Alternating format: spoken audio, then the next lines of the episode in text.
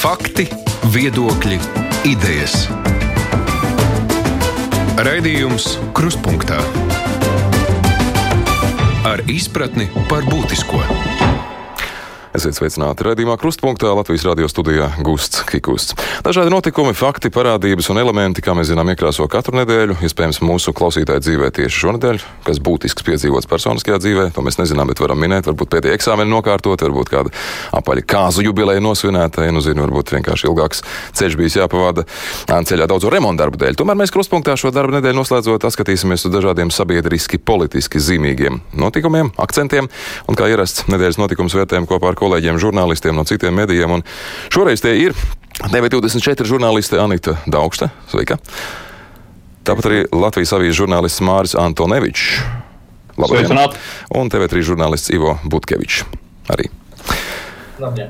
Mm, Covid-19. Tomēr šis uh, termins ar mums ir vienmēr bijis, un tagad tas atkal aizvien vairāk sāk intensificēties. Šonadēļ diezgan strauji pieauga saslimstības rādītāji. Ar to, ja pagājušā nedēļā ikdienu tie bija nu, pāris cilvēki, tad Nedēļa sākās ar kāpumu 3, 7, 13, šodien 11 jauni saslimušie. Nu, epidemiologi jau bija norādījuši, ka varbūt nāksies pie stingrākiem ierobežojumiem atgriezties, jo nevarēs izsekot jaunos inficēšanās gadījumus. Tagad jāteic arī valdības ārkārtas sēde saistībā ar to, kur tiek apspriest ideja sabiedriskajām ēdināšanas vietām darba laiku pagarināt. Sākotnēji izskanēja par dažādām kultūras un izklaides un sporta pasākumu vietām. Kā jūs teiktu, varbūt izējot cauri visiem, vai vispār jums ir pārsteigums, ka mums nākas par to runāt un atgriezties, jo beig beigās nekas jau jauns it kā tas nav. Epidemiologi bija teikuši, ka var nākties, ja, ja mainās skaļi. Anita, varbūt sākam ar tevi. Manuprāt, ir viena ļoti būtiska nianse šajā gadījumā. Pirmkārt, cilvēkus nav iespējams ļoti ilgstoši noturēt ļoti stingrā ierobežojuma režīmā. Tas ir, tas ir jāsaprot, un es domāju, ka to saprot arī valdības locekļi un arī epidemiologi un visi, visi citi, kas ir saistīti ar, ar šo jautājumu. Mm, jo uh, tas, kas mani nedaudz pārsteidz, ka tiek uh, strādāts tieši tāpat, kā strādāja ar epidēmijas sākumā, vienkārši nosakot lielākus ierobežojumus, ka viņi netiek kaut kādā veidā ranžēti, ka netiek atrasta kaut kāda jauna metode, kā uh, ierobežot uh, šo saslimstību. Um, jo skaidrs, lielākā daļa saslimstības gadījumu ir saistīti ar uh, ievestiem gadījumiem, ar, ar to, kā ir atvērts, uh, atvērts robežas un robežas tiek atvērts aizvien plašāk. Līdz ar to mēs nevaram paļauties, uh, paļauties uz kaut ko, ka, ka šī saslimstība nepalielināsies, bet uh, atgriezties, respektīvi lietot tās pašas vecās, uh, vecās zāles. Šajā situācijā, manuprāt, nav īsti, nav īsti saprātīgi.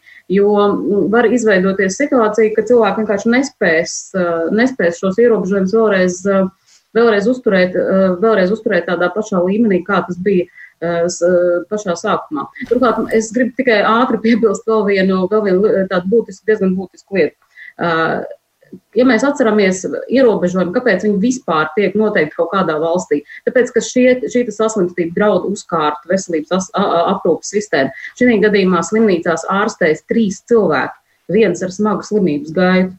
Es atvainojos, bet tas nekādā veidā nevarētu uzkārt veselības aprūpas sistēmu. Un, ja veselības aprūpas sistēma ir pietiekoši sagatavojusies pacientu plūsmu dalīšanai, es domāju, ka arī šis saslimušo skaits nav uh, ne kritisks, ne, ne tik briesmīgs, lai mēs tagad noteikti kaut kādus ļoti krasus ierobežojumus. Kolēģi, kā pārējie teiktu, Māri, piemēram, par to iespēju ranžēt ierobežojumus ar Janītas domu turpinot, un nu, vai tā eksplozija pašlaik mm, tuvumā ir tik draudīga, ka ir jāsāk domāt par šādiem visaptverošiem, varbūt jau jauniem ierobežojumiem.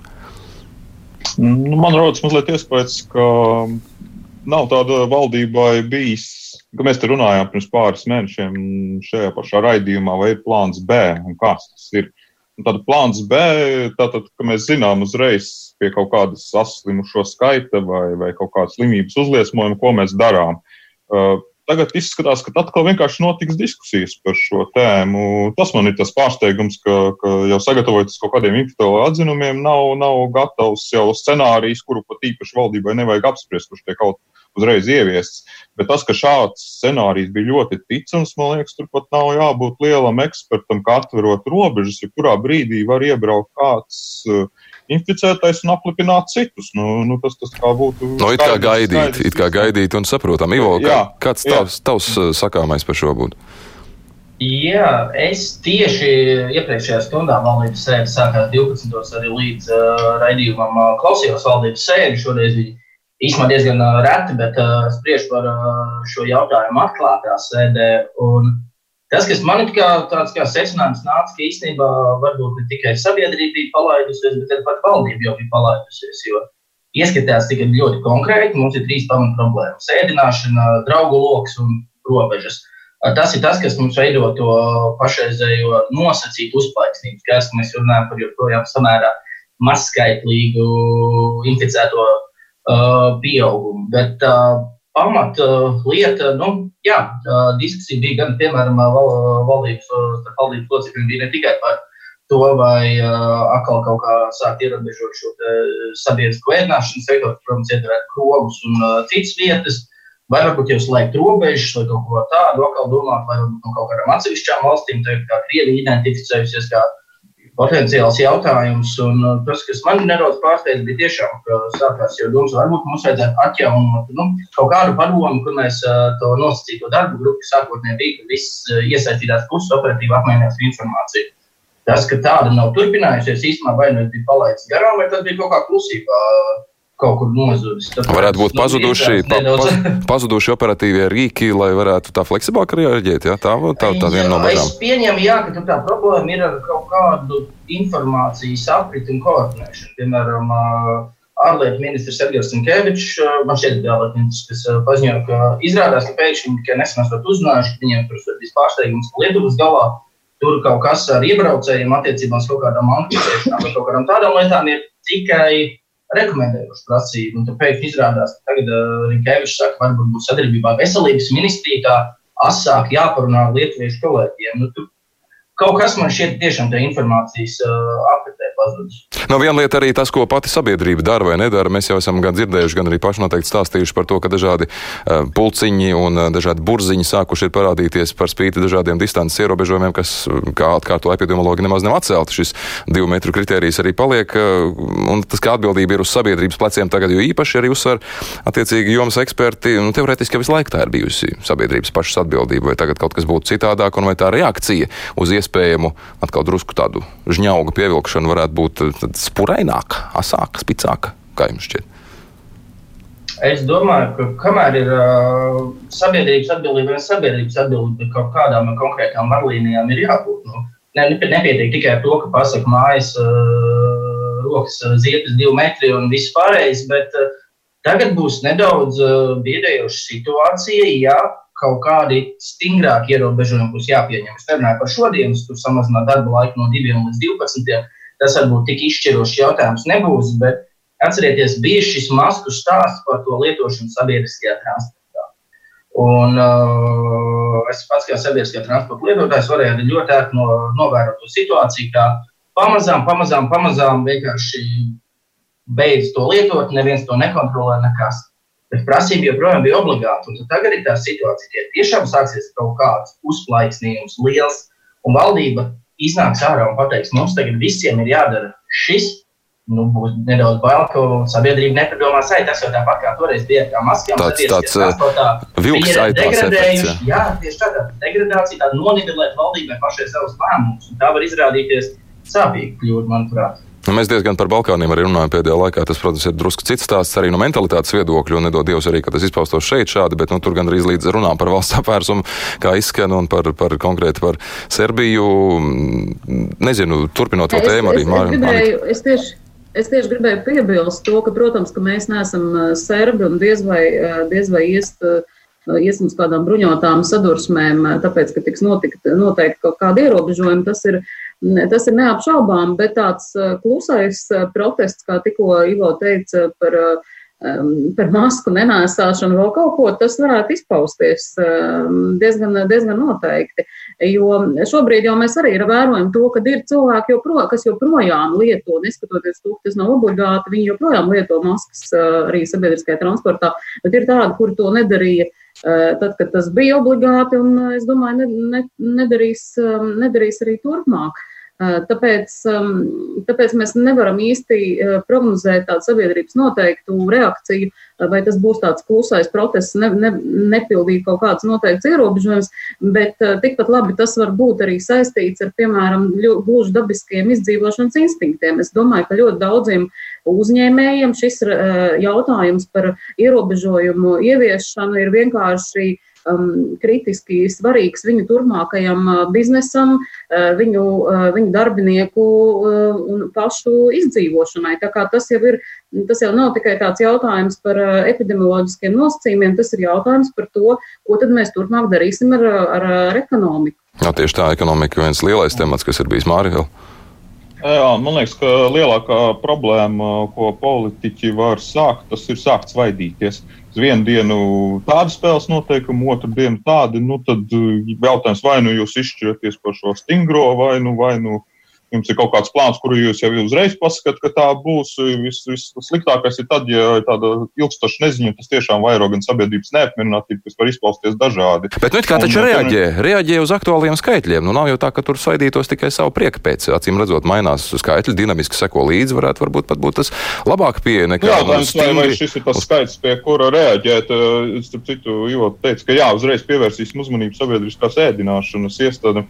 Man liekas, tā tāda šaura domāšana būtu, ja tagad, nu, labi, bija saslimušie, kuri šajā gadījumā tiešām saka, ka bija sabiedriskās ēdināšanas, tikpat labi mums bija futbola federācijas vēlēšanas. Kongress bija futbola spēles, kuru bija inficētais aizgājis, un tur pagaidām nav ziņa, ka kaut kas noticis. Nu, tādā gadījumā, tikko būs šāds gadījums, tad uzreiz visi sporta pasākumi tiks aizliegti. Nu, tā, tā ir tāda ļoti uh, sabiedrības raustīšana, kas tiešām var izsaukt, uh, ja ne Serbijas veida protestu, tad kaut kādu neusticību varai un, un, un iebildumus. Es domāju, ka uh, šajā brīdī, kad martā, kad viss bija slēgts un viss sabiedrība kaut kādā ziņā pieņēma, tas ir uh, ja ir politoloģijā, mēs runājam par sabiedriskā līguma teoriju. Nu, tas bija tāds nerakstīts līgums par sabiedrību un, un, un, un valdību, ka mēs saprotam. Bet šajā brīdī šis līgums jau ir tik neskaidrs, ka viņš vairs nedarbojas. Jā, laiks visiem bija saņemties, un tagad vēlreiz to izdarīt uz šabām varētu būt grūtāk. Vai kaut kas īsi piebilstams par šo vēl kādam no jums ir, vai arī ejam pie nākamā temata, mums tāda ir vairāk pie šabām. Ne, nu, vēl tāds neliels īsts atgādinājums eh, par to, ka valdībai vienlo, vienlaicīgi ir ierobežojumi noteikšana, pēc būtības būtu jādomā eh, arī uzreiz, ja viņi pasaka A, viņiem jāpasaka B, respektīvi ar plašāku palīdzības programmu. Tas ir jautājums, vai valdība ir gatava plašākai palīdzības programmai eh, tiem, kuri nevarēs strādāt atkal šo ierobežojumu dēļ. Un es pieņemu, ka valdība diez vai ir gatava šādai plašākai palīdzības programmai. Skaidrs, tas tā tad pagaidām liksim šo tematu malā, bet šobrīd nedēļas nogalē vēl būs arī jauni skaitļi, un nākamnedēļ valdības sēdē iespējams vēl citi jauni lēmumi. Bet viens ir temats par veseliem diviem satversmes tiesas lēmumiem, kas pēdējās nedēļās ir bijuši nelabvēlīgi valsts sociāla atbalsta sistēmai. Vispirms tiesa atzina, ka satversmē neatbilst valstī noteiktais garantētā minimālā ienākuma līmenis, 64 eiro mēnesī pašlaik. Un vakar arī, ka tāpat ir arī ar valsts sociālā nodrošinājuma pabalstu apmēru nenodarbinātām personām ar invaliditāti un senioriem. Nu, šeit eh, ministra Ramona Petraviča teikusi, ka nav diskusiju, satversmes tiesas lēmums būs eh, jāpilda. Nebūs diskusiju, izdosies no tā izvairīties, pildīt lēmumus. Ivo varbūt. Uh, nē, tur vēl jāatcerās, ka ir īstenībā, ja nav tikai runa par šiem diviem uh, tiesību sarga iesniegumiem, ir uh, pēc būtības ir vēl vairāki kopumā par to vispār to sociālās pilnvērtā, minimālā sociālā atbalsta, pabalsta palīdzības sistēmu. Un, um, nu, ir skaidrs, ka, nu, ja pirmie divi lēmumi bija šādi, nu, visticamāk, pārējie arī būs. Uh, Samērā līdzīgi, arī Latvijas ministre bija ieskicējusi pēc pirmā lēmuma, ka, nu, visticamākais otrais sekos līdzīgā gultnē. Nu, ir tāda nu, ir tāda sajūta, ka nu, visi to zināja, bet nu, ka kaut kas nav kārtībā, bet uh, kamēr nedabūja spērienu pa pēcpusi, tad nekas darīts uh, netika. Jo um, nu, bija pat nedaudz tā ironiski žēl to. Uh, nabaga ierēnu, kurai tā, vajadzēja aizstāvēt satversmes tiesā valsts pozīciju, ka, nu, ka šajā sistēmā ir kā viss ir kārtībā un skaitļi ir uh, pamatot un vispārējais. Nu, būs liela izšķiršanās, domāju, būs liela strīda ar apakšā. Visur, protams, ir uh, nauda, budžeta iespējas un viss pārējais. Uh, termiņš noteikti, es pareizi atceros, bija nākamais gads. kas nozīmē, No ar janvāri šis- esošie pabalsti janvāri. zaudēt spēku ar, ar janvāru. Jā, jā. nu, tas nozīmē, ka kontekstā ar uh, budžetu šīs sarunas kļūs vēl nedaudz grūtākas, bet nu, kaut kas jādara. Satversmes tiesas lēmumiem ir likuma spēks. Var šis tiesas lēmums pabīdīt vēl kaut kādas tādas politiskās nevajadzīgās berzes un iespējams pat arī krīzes līmenī, kā jūs teikt, Anita Māri? Es nedomāju, ka politiskās eh, krīzes līmenī kaut kas varētu notikt, bet šeit ir arī ļoti būtisks eh, jautājums. Šie, eh, šie te, mm, abi, abi šie pabalsti šobrīd satversmes tiesas pasludinātie par, par neatbilstošiem eh, satversmei, eh, viņu apjoms, respektīvi par neatbilstību satversmei. Eh, Tas ir ļoti liels, eh, li- lielā mērā saistīts arī ar pašvaldību iespējām piedalīties ar līdzfinansējumu šo pabalstu izmaksā. Līdz ar to tas atkal sarežģīs, sarežģīs valdības attiecības šajā apspriešanas procesā ar pašvaldībām, un pašvaldības turklāt, turklāt, turklāt vēl atrodas šīs te administratīva teritoriālās reformas procesā. Un diskusijas par veselības nodokli atgādināsim arī, kas sola dažus procentu punktus, procentus no ienākuma nodokļu varbūt paņemt prom no, no žēlas kasītes. Jā, var- līdz ar, ko, līdz ar to es, es pieņemu, ka šīs sarunas varētu būt uh, ārkārtīgi, ārkārtīgi grūtas un, uh, un sarežģītas, īpaši šajā, uh, ko vēl vairāk pastiprina šis, te, šis te Covid-19 fonds, kas, ir, kas pavada visus, visus šos procesus. Un neskaidrība par to, kā vispār pildīsies gan sociālais, gan, uh, gan parastais uh, valsts budžets. Māri, tavas bažas apsvērumi vai varbūt uzvaras sajūta par satversmes tiesas Man tāds- lēmumu daudz gaidītu? tāds vērojums, ka jā, savā ziņā iznāk šobrīd, ka atbildība par sociālo politiku ir uzņēmies tiesības sargs un caur viņu tālāk arī satversmes tiesa, kas ir diezgan interesanti.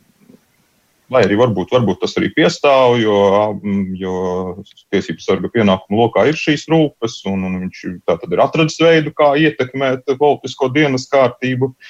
Un, un, protams, saprotu, ka politiķiem arī nu, šādā formā, ja tiek šis lēm, lēmums nāk, šis, šis takt, īpaši nav iespēja pretoties.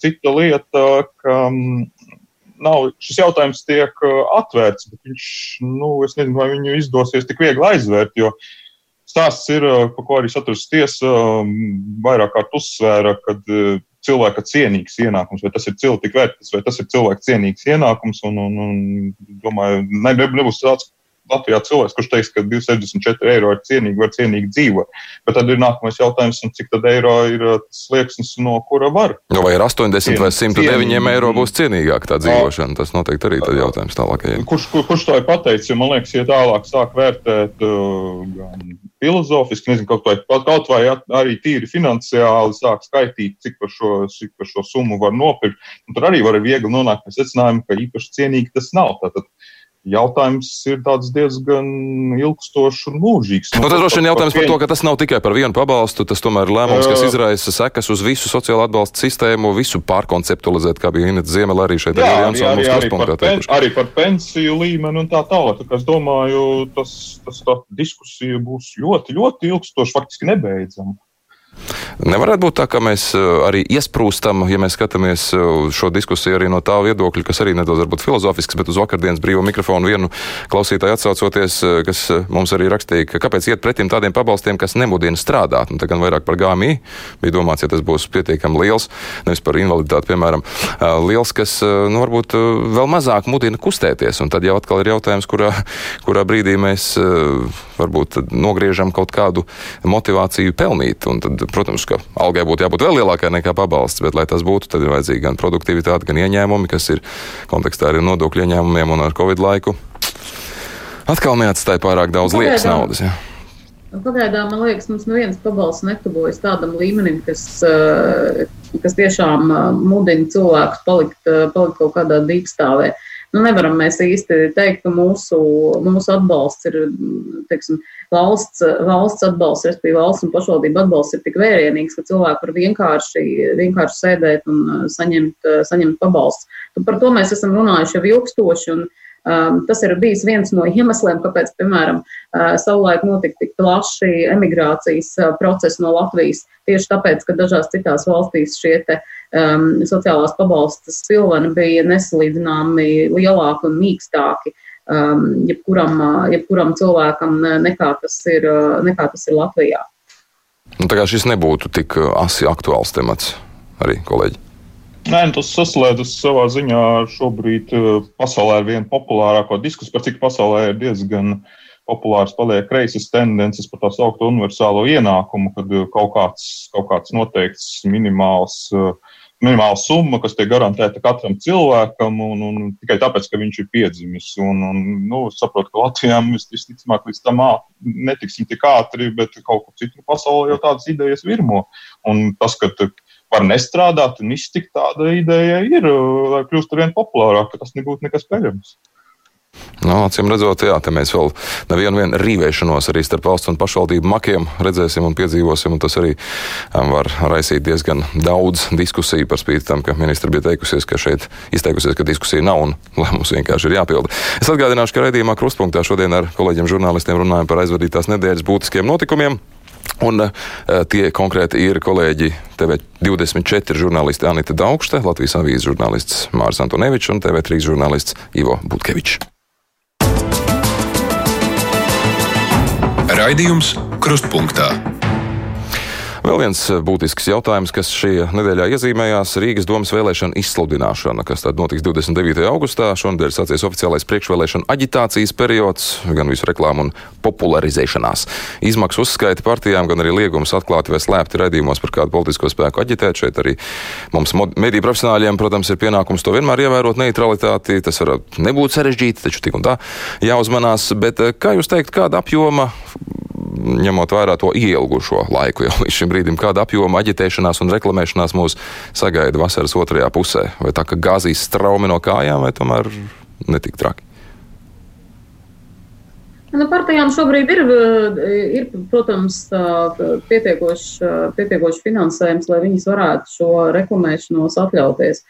Um, šajā pašvaldību Rīgas domas uh, ārkārtas vēlēšanu situācijā man ir tomēr jāsaka viena tāda uh, skumja piezīme, ka, teiksim, kā žurnālistam vērtēt kaut kādus noteiktus uh, idejas, plānus, um, virzienus ir ļoti sarežģīti tā vienkārši iemesla dēļ, ka patiesībā nekā uh, izņemot uh, ļoti vispārīgus un dažbrīd pat utopiskus reklāmas saukļus, nekā cita arī nav. Mēs pēc būtības varam vērtēt uh, vienkārši, cik veiksmīgi vai mazāk veiksmīgi kāda no PR kompānijām ir mēģinājusi izveidot kāda konkrēta cilvēka vai, vai, vai, vai, vai partijas tēlu šajās Rīgas domas vēlēšanās. Mm, nu, man tā ilgstošākā periodā jau žurnālistē vērojot jebkuru vēlēšanu procesu, man liekas, nu, līdz kādai pakāpei var uh, nonākt, teiksim, tādu, tāds, tāds bezdomu tukšums un, un, un piedāvājuma, reāli piedāvājuma nabadzība, um, jebkurās vēlēšanās, un, un vienmēr man liekas, ka nē, nu, nu tagad jau zemāk vairs, nu, tiešām, nu, nekur vairs nekritīsim. Bet nu, tad nāk kārtējās vēlēšanas, un tad atkal saproti, nu, ne, taču nu, varam taču vēl, vēl zemāk nokrist. Nu, vēl, vēl lielāks tukšums, vēl vājāka līderi, nu, vienmēr sakot, vēl, vēl sliktāka, vēl sliktāka situācija. Un es domāju, ka šīs Rīgas domas ārkārtas vēlēšanas īsti, īsti šajā gadījumā nav izņēmums. Kā jūs teiktu, pārējie? Māri? Uh, nu, ah, Ivo, Ivo, nu vienalga. vienalga. es neliekšu jums iespēju izteikties. Nē, nē, te jau, manuprāt, vienkārši ir jāsaprot tas fakts, ka vēlēšanas ir dažādas. Un uh, pašvaldībās, kur uh, pamat ideja, ja jebkurā gadījumā būs saimnieciski, nevis ideoloģiski jautājumi, tos atstājot varbūt saimnes vēlēšanām, uh, Jāsaprot, nu, visās programmās mēs atradīsim sataisītus ceļus, labi iekārtotus parkus, pašlaik supermodernu, tur gan jau ka visi ir par veloceliņiem, izņemot tos, kas tagad mēģina atšķirties un visu pārējo. Te tiešām tas jautājums vairāk ir par personālajām, un es ticamāk, ka tā balsošana būs vai nu par kaut kādām uzrunājošām personībām, vai arī par vienkārši tā kā jau kaut kāda konkrētā cilvēka vēsturisko balsojumu, nu, turoties pie konkrētas partijas, kas ir atbalstīta. Nu, nu, tie nu, līderi nav tā, tie paši spēcīgākie, varbūt, kurus var atcerēties. Bet tur tiešām ir arī jāsaprot, ka tā politiskā realitāte ir nedaudz mainījusies jau. Zinām, nelaime, kas notika attiecībā uz jauniem konservatīvajiem, šķiet, ka KPVLV ir nominējuši labāko, ko viņi varēja, ņemot vērā to, kas notiek viņiem ar reitingiem. Nu, nu, tā ir jau tā politiskā realitāte mums ir sanāk. Un, Nu, it, kā daudz, it kā daudz to līderu vai ne, mēra kandidātu, bet jā, cik tā konkurētspēja liela šajā pulciņā. Un Māri tiešām ir tā, kā Anita saka, aizvien tukšāk un aizvien, teiksim tā, bezperspektīvāk izskatās tas piedāvājums. Manuprāt, ir zināms, zināms tāds, es neteiktu, nezinu, vai apjukums, vai vēl tāda taustīšanās, jo zināms korekcijas ir ieviesis tas piespiedu dīkstāves vai pārtraukuma periods, kas bija saistībā ar pandēmiju un ārkārtas situāciju un atceltajām, pārceltajām vēlēšanām. Jau trīs reizes jau, jau uz aprīli, tad uz augustu. Nu, jā, tur bija īsā periodā vairākas reizes pārcelts, bet nu, tas periods sanāca diezgan ilgs. Uh, politiski līdz ar to, manuprāt, ir mazliet pamainījusies tā um, politiskā dienas kārtība, ar kuru varbūt partijas būtu nākušas, ja tas būtu pavasarī un tagad vasaras beigās. Uh, jo tajā laikā, neilgi vēl pēc iepriekšējās domas atlaišanas, varēja diezgan aktīvi izmantot tēmu nu, sliktā iepriekšējā vara, un, kas, kas bija jūtīgi un, un viss vēl atcerējās. Tagad tas kā mazliet jau ir aiziet tālumā. To, protams, var izmantot, un, kā mēs redzam, Viktors Valainis to aktīvi savā reklāmā stāsta, un jau citi stāstīs, bet tas vairs varbūt nav tik iedarbīgi, kā tas būtu bijis tad. Un, nu, manuprāt, tur īsti nav, nav izdomāts, ar kādiem saukļiem un kādiem, kādiem piedāvājumiem paņemt šo vēlētāju vairākumu. Līdz ar to kaut kā tāda sajūta, ka viens no otra mazliet aizņemas. Nu, nekas jau oriģināls nav, bet ir stāsts par veloceliņiem, visiem ir koki, tur parki. Uh, Jau praktiskais tas, kas ir, tas paliek, bet to ideoloģisko pretstāvi aizvien grūtāk ir eksploatēt, ņemot vērā laika distanci, jau attālinoties no domas atlaišanas. Grūti izvēr, izvērst to kampaņu, ka mēs tagad slikt pret sliktajiem, kas, kas zog un tam līdzīgi. To var darīt, tas tiks darīts, bet tas vairs nav tik skaļi, kā tas bija tajā pavasarī pirmajā brīdī. Uh, Un, bet tas, ka uh, noteikti reklāmas būs ļoti aktīvas, es par to nešaubos, jo partijām ir uh, valsts finansējums. Tas ir jādara. Tas ir pirmoreiz tā, ka var tik mierīgi ar naudu rīkoties. Tātad uh, kaut kas tiks stāstīts un, un, un rādīts un tam līdzīgi. Jautājums, vai tiks atrasts tā, tā, tā stīga, un ja kāds atradīs, vai to uzreiz visi pārējie nepaķers, ar ko vēlētājs piesaistīt. Anita vēlējas kaut ko piebilst vēl šeit. Jā, es eh, vēlējos piebilst par to saimniecisko kom, eh, komponentu, kas neapšaubām, jebkurās pašvaldību vēlēšanās, arī Rīgas domas vēlēšanās, ir, ir eh, ļoti būtisks arguments, lai cilvēki balsot. Un šī kontekstā es diezgan vāji saprotu šo mm, līderu izvēli. Jo, ja mēs paskatāmies uz visu spektru, kas tiek piedāvāts no partiju puses, kā uh, nu, kā šie līderi, nu, varbūt vienīgi Oļegs Burovs, kurš ir, bij, ir bijis Līgas, Rīgas mērs un ilgstoši strādājis pašvaldībā, var kaut cik atbilstam saimnieciskā, saimnieciskā līdera tēlam. Eh, es nedomāju, ka, piemēram, Konstantīns Čekušins, eh, Linda Ozola, Mārtiņš eh, Staķis, Viktors Valainis, ka viņi, viņi ir pietiekoši pārliecinoši vēlētājam kā, kā šie saimnieciskie, saimnieciskie līderi. Un šajā kontekstā es domāju, ka partiju mm, izvēles eh, saraksta, mm, saraksta izveidēs vispār izveidē ir bijušas eh, ļoti problemātiskas. Māris ļoti pareizi iezīmēja to, eh, ka situācija tiešām ir bijusi tik mainīga. Partijas ir arī tiešām zināmā mērā apjukušas, tieši tāpat kā visa sabiedrība ir lielā mērā apjukusi šī Covid-19 krīzes, krīzes priekšā. Un tāpēc tas, protams, izraisa kaut kādas izmaiņas, bet, um, bet joprojām uh, šis jautājums, par ko tad balsot un, un, un, un referents, bet nav taču par ko balsot, viņš joprojām ir aktuāls arī šajās Rīgas domas vēlēšanās. Nu, beig beigās tā vasara virzīsies uz priekšu. Nebūs politiķiem no tā visa, ko jūs arī minat, nogurums iestājies no visa tā apjukuma, kurā virzienā iet, vai viņiem nogurums pēc definīcijas, ja ir runa par priekšvēlēšanu laiku, nevar iestāties. Jā, un... Politiķiem vai, vai vēlētājiem? Uh, nu, to var sadalīt arī tā, kā tu saki. Sākotnēji domājot par reklamētājiem. Mana, pro, mana prognoze, ka šīs vēlēšanas būs vienas nu, diezgan maz apmeklētas un būs problēmas ar cilvēku dabūšanu iecīt. Tur sastājas vairāk faktori faktori. Viens ir vasara, kad, nu, labi, tas ir jau vasaras beigas, kad kaut kāda daļa jau ir atgriezusies Rīgā un varbūt, varbūt jau sāk iesaistīties tajā dzīvē, bet, nu, vienalga, tā ir vasara, tas nav rudens. Parasti jau. Nu, turpat jau tas septembris ir tomēr. Tā, bet uh, otrs ir, manuprāt, vēl būtiskāks ir šis uh, Covid faktors, balsošana maskās, kas ir tagad, te, tas saslēdz ar pirmo tēmu. Mēs tikko runājam, ka tur sabiedriskā ēdināšanas iestādēm nevarēs iet, varbūt vēl kaut kur uz sportu, nevarēs iet tā kā pēc vēlēšanām, tad varēs iet, varbūt tur arī būs, ja šie skaitļi ies uz augšu, arī kaut kas vēl stingrāks jāievieš. Līdz ar to cilvēkam var rasties diskomforts, ja viņam būs tur jāiet kaut kāda īpaša procedūra, maskas. Li Un tas stāsts ir, tad, jā, kurš no tā visa būs ieguvējis. Tādi aktīvie partijas atbalstītāji, kur ir gatavi iet un balsot pie jebkuriem apstākļiem, un tādi neizlēmīgi, tā grafa tā kā, teiksim, kad ir partiju reitingi, tad ir tāda ļoti liela, parasti beigās tāda ailīte, kurā ir neizlēmušie, nezinu, par ko balsot. Un, redz, ja parasti viņi kaut kādā pēdējā brīdī sadalās šīs balsis, tad varbūt tā situācija, ka viņi arī nu, nekādi nesadalās par šīm partijām. Viņi vienkārši neaiziet uz vēlēšanām. Līdz ar to man liekas, tas būtiskākais būtiski arī ir tas, eh, kā partijas varēs vēlētājus mobilizēt un par spīti visām grūtībām dabūt uz šiem iecirkņiem. Un, ja pagaidām ar šo pieeju, kā mēs sakām, nu, īsti neuzrunā, tad arī neuzrunā. Var neuzrunāt arī vispār nedoties uz šo vietu. Mm, šo tematu tad Ivo varbūt nedaudz no savas puses nopaļojot. Jā, uh, jā noteikti piekrītu kolēģiem, ka šis varētu būt uh, ļoti mazaktīvs uh, vēlēšanas. Mēs to tiešām varētu ieraudzīt, varbūt diezgan pārsteidzošs skaits beigās no tā, kāds ir tas.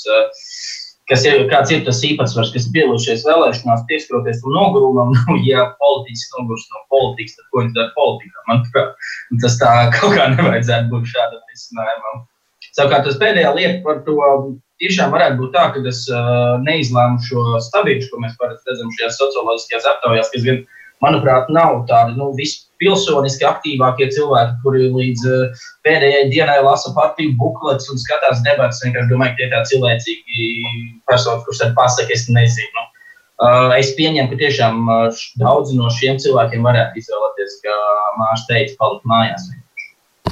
Un, un visbeidzot, dažās minūtēs vēl ceturto tematu arī īsti palūkosim. Tas tomēr ar šo nedēļu saistīts, lai gan, it kā jau pagājušajā nedēļā sākts vētīt, proti, otro gadu valsts prezidenta amatā Igls Levits ir aizsācis eh, tieši 8. jūlijā gads, palika pirmā gada vērtējumi, jo daudz kur arī bijuši nedēļas garumā, bet, nu, nepieminēt nevaram mūsu notikuma atskatā. Viens no viedokļu apkopojumiem šķiet bija, ka Levits bijis vairāk tā redzams elitei, viedokļu līderiem, Latviju pārstāvot ārzemēs, bet mazāk tā saucamajiem tā, ikdienas cilvēkiem.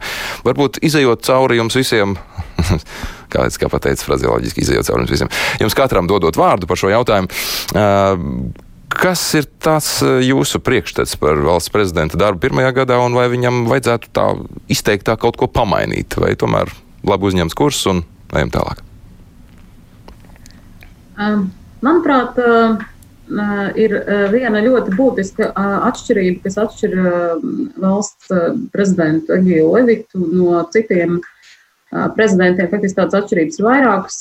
Dažas būtiskākās, kas uzreiz iezīmēs, pirmām kārtām attiecībā uz Levitu bija ļoti augsta līmeņa ekspektācijas.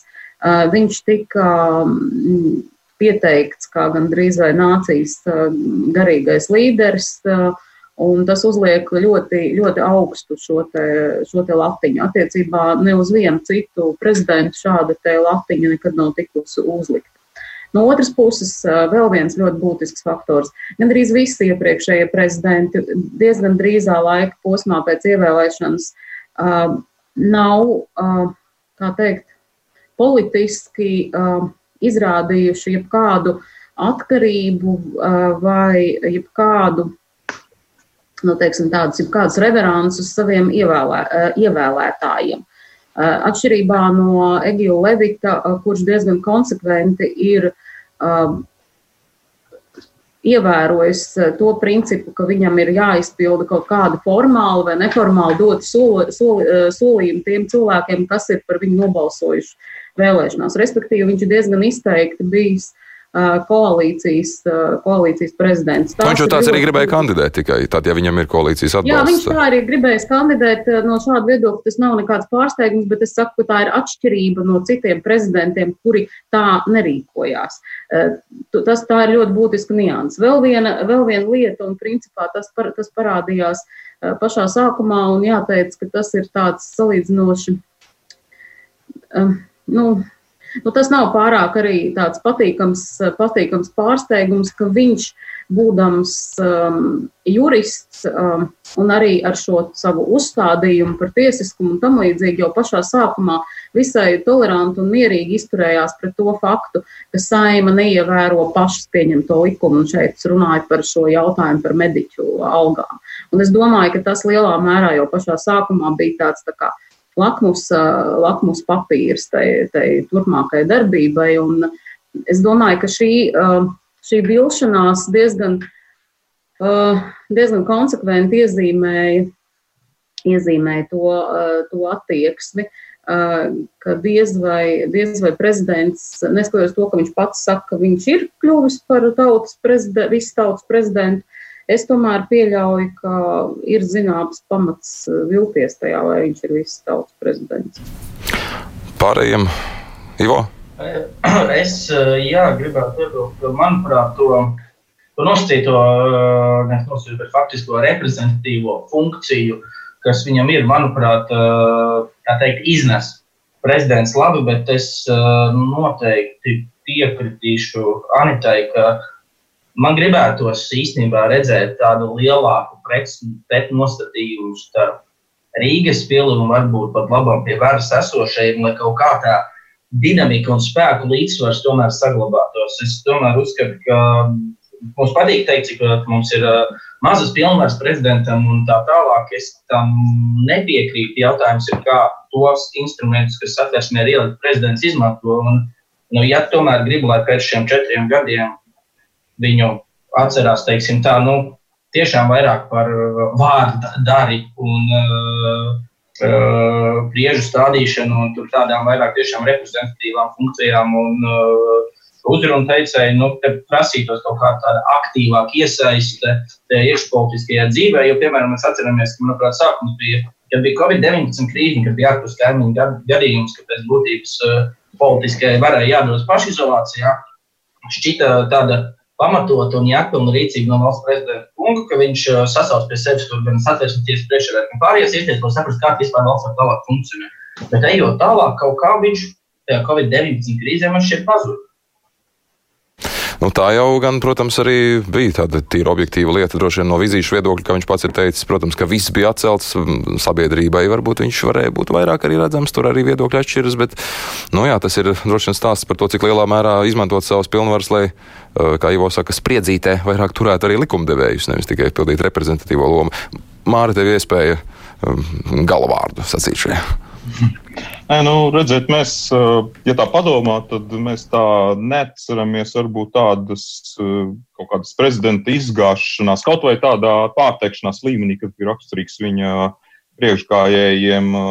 Bet tas vienkārši liecina par to, ka prezidents ļoti pārdomā un plāno uz priekšu visas savas darbības, bet vienlaikus līdz ar to viņš kļūst piesardzīgs. Viņš, viņš teiksim, ļoti uzmanīgi un neplānoti neko nedara, nekādas iniciatīvas efektīvas, viss ir ļoti smalki izreikināts.